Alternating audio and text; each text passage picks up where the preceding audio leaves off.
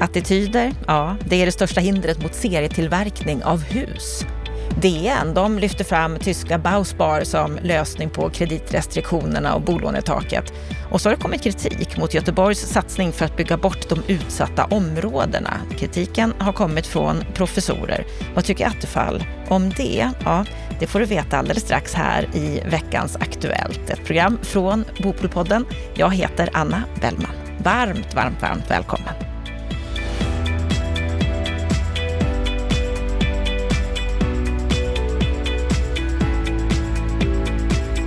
Det har varit påsk och eh, kanske inte jättemycket som har hänt under veckan, men några saker har Stefan Attefall ändå luskat fram. Vi börjar med en debattartikel i GP om Göteborgs satsning för att bygga bort de utsatta områdena. Vad, vad handlar det här om, Stefan?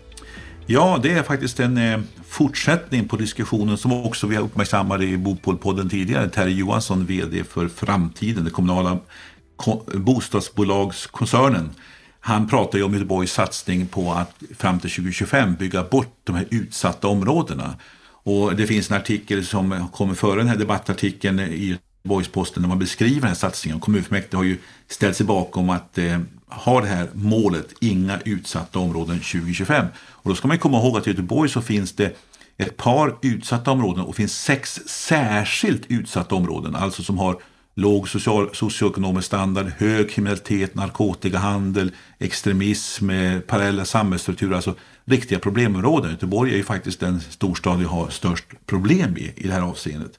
Och Göteborgs kommunfullmäktige har ju ställt sig bakom nu den här satsningen. Och det handlar mycket om fysisk upprustning, alltså renovera husen, bygga nytt, också om sociala eh, insatser i områdena och det handlar om superförvaltning som som de kommunala bostadsbolagen talar om. Helt enkelt att man ska vara extra bra på förvaltning, att sköta om områden. Det ska vara snyggt, rent, helt, eh, ordning och reda och liknande saker. Och det här ska man också involvera privata fastighetsägare om och i en artikel här så finns också beskrivningar hur Victoria Park är engagerad i, i ett område som de är engagerade i. Poliserna uttalar sig. Eh, VDn för Poseidon, ett av de här kommunala dotterbolagen, Lena Molund Törnborn, hon säger så här att eh, varför har inte, ja, det har gått lite väl långt innan en reaktion har kommit. Vi kanske teoretiskt har tyckt det var viktigt men inte riktigt tagit det på blodigt allvar. Och det är väl den insikten som börjar komma nu i Göteborg. Det krävs någonting mera. En, en eh, polis, eh, lokal polis, områdespolis säger också att jag skulle önska någon slags amerikanskt system med en superborgmästare som höll i trådarna. Här har man så många olika kommunala förvaltningar att förhålla sig till. Och det tror jag är ett nyckel, en nyckelfråga här. Att fullmäktige och kommunstyrelsens ledning ser till att hela kommunala apparaten och i samverkan med privata eh, fastighetsföretag och andra aktörer och inte minst civilsamhället, att man drar åt samma håll. Men det här är ju en satsning, om man säger att man ska satsa 11 miljarder för upprustning, nyproduktion och olika förbättringar eh, under ett antal år. Eh, Torbjörn Hammert som är ny krönikör på bostadspolitik.se har skrivit om det här också kan man säga. Och det här tycker jag är jättespännande. Men så, så, så kommer då kritiken också mot det här. Eh, bland annat så skriver ju Håkan Törn, en professor i sociologi ihop med ett antal andra eh, forskare på, på GP Debatt om att det här är ju då fel styrningsmodell, man lägger allt för stort ansvar på kommunala bostadsbolagen, det blir på något sätt hyresgästen som ska betala för det här. Det istället borde staten, alltså centralmakten och staden, kommunen centralt ta ett större initiativ och vara den som står för detta. Eh, och de förordar politisk omfördelning, statlig fördelningspolitik och självorganisering av eh, människor. Eh, och pekar på att man saknar forskning från storstadssatsningen på 90-talet i det här underlaget som finns för det här eh, eh, beslutet. Eh, och pekar på att Peter Esaiasson, en professor i statskunskap som finns också på Göteborgs universitet, som är en av källorna som man refererar till. Han är då ingen riktig forskare på det här området. Eh, och Peter Esaiasson svarar också ganska eh, fränt att eh, ja, men problemet med storstadssatsningen på 90-talet är att det fun har ju inte funkat. Vi måste pröva någonting nytt. Och så säger han också någonting viktigt här också i sin artikel som jag tycker som kom alldeles nyss. Att betona ordning och skötsamhet kan låta repressivt. Det är precis tvärtom. Att prioritera ordningsfrågorna är att vara lojal mot den stora gruppen av boende som bara vill att området ska fungera bättre. Och så skriver han också att märk att det inte är polisens sak att hålla ordning i områdena. Polisen ska bara rycka in vid kraftiga normöverträdelser. Och det här tror jag är en viktig poäng alltså. Eh, funkar inte det basala, då funkar inte det övriga. Och Peter Esaiasson eh, tycker jag är spot on här helt enkelt. Så, eh, Men finns det, ingen grund, finns det ingen grund för den här kritiken? Tycker du ändå att det är för stort ansvar på de kommunala ja, bolagen? Om, om det innebär att kommunledningen, staden, inte håller i det här projektet ordentligt, då håller jag med om, därför att det måste till. Därför att man får inte lämna det här enbart till kommunala bostadsbolaget. Man måste få hela den kommunala organisationen.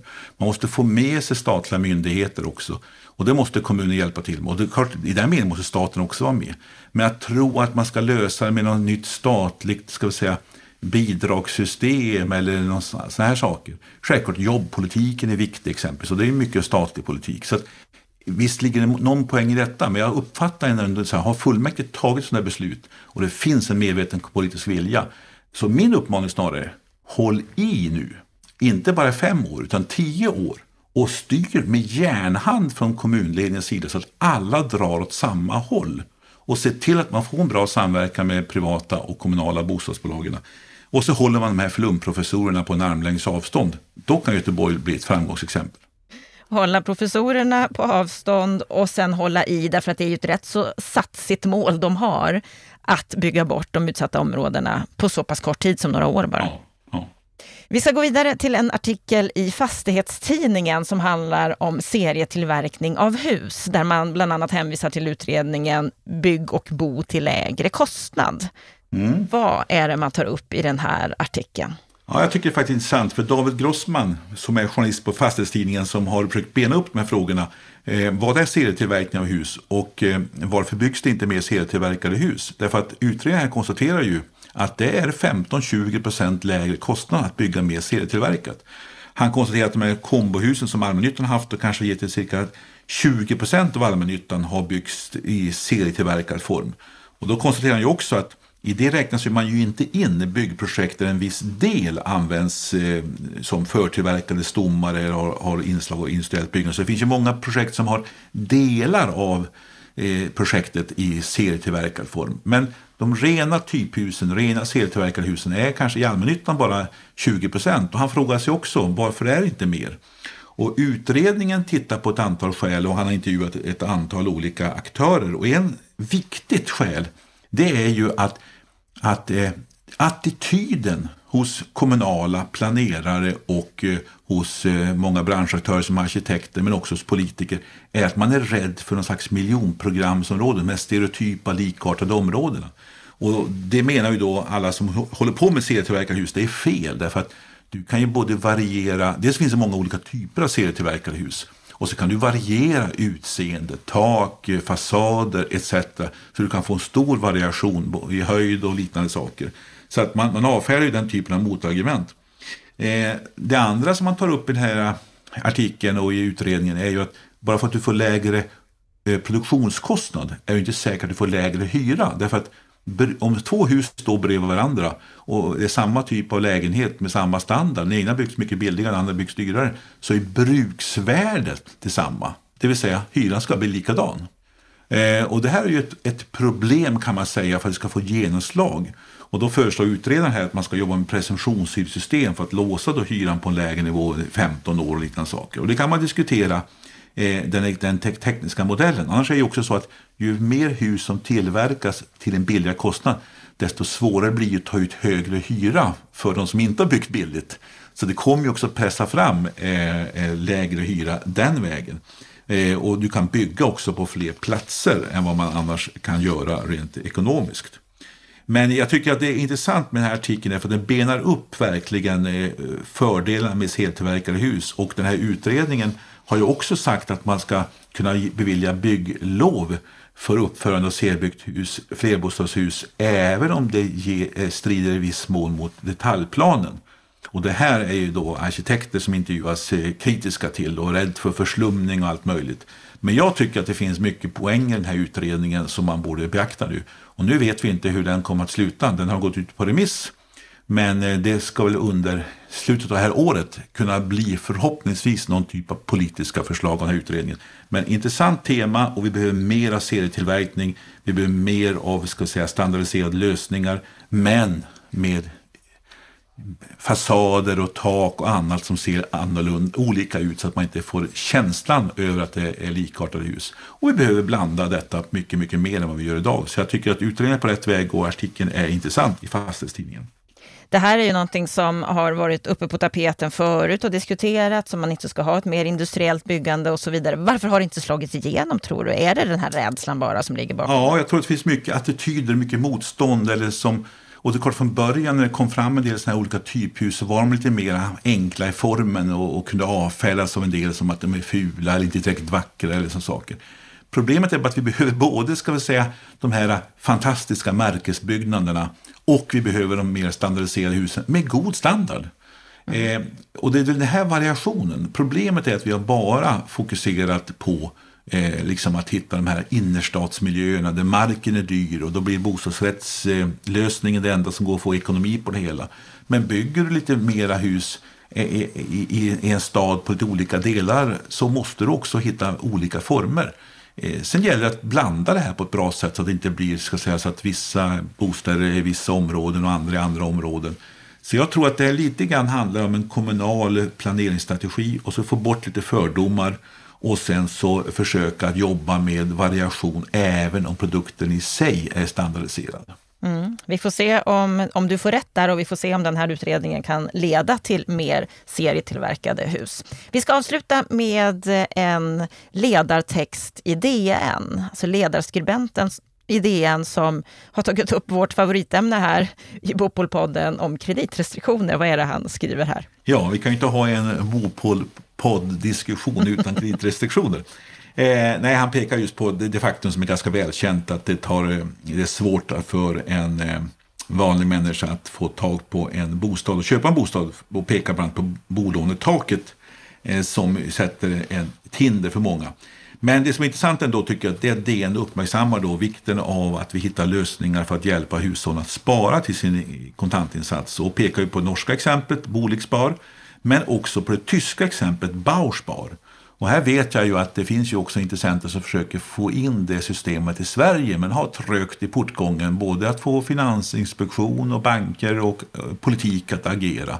Men tyska systemet bygger på tanken att du ska kunna du spara pengar och så får du låna i motsvarande grad till en låg fastställd ränta på ett långsiktigt lån. Och du lägger det kan man säga ovanför bankfinansieringen och under din egen kapitalinsats, alltså en slags mellanfinansiering. Och de här tyska Bausparkassorna är ofta kopplade till exempelvis eh, kommersiella banker så att de har någon slags eh, sidoverksamhet eller dotterverksamhet som håller på med det här. Eh, och det bygger på att det finns också långsiktiga hyres, eller låneavtal. En modell, och så finns en viss statlig subvention också i systemet för att uppmuntra till människor att, att spara. Och det här är ett viktigt bidrag till att uh, tyska hushåll har lättare att köpa sin bostad och äga sin, sin bostad. Jag tycker det här är ett intressant inslag och eller norska modeller eller andra modeller. Och det som är slutsatsen i den här artikeln från Jens Rundberg på Dagens Nyheters ledarsida det är att han skriver så här att januariavtalet ska enligt punkt 4 med en skatt minska hushållens skuldsättning och bidra till att förbättra bostadsmarknadens funktionssätt. Slutcitat. Det är dags för finansminister Magdalena Andersson att leverera någonting konkret och på den punkten kan vi hålla med. På den punkten håller vi med när det gäller kreditrestriktionerna och vi får se om det också blir mer serietillverkning av hus så småningom här och hur det går för Göteborg. Där hejar vi på och vill att de ska hålla i och hålla ut när det gäller att bygga bort de utsatta områdena. Och när det gäller just det ämnet så kommer vi på måndag att eh, få träffa Anna Heide som jobbar i Malmö med just samma sak, social hållbarhet. Med detta så önskar vi på Bopelpodden dig en riktigt skön helg.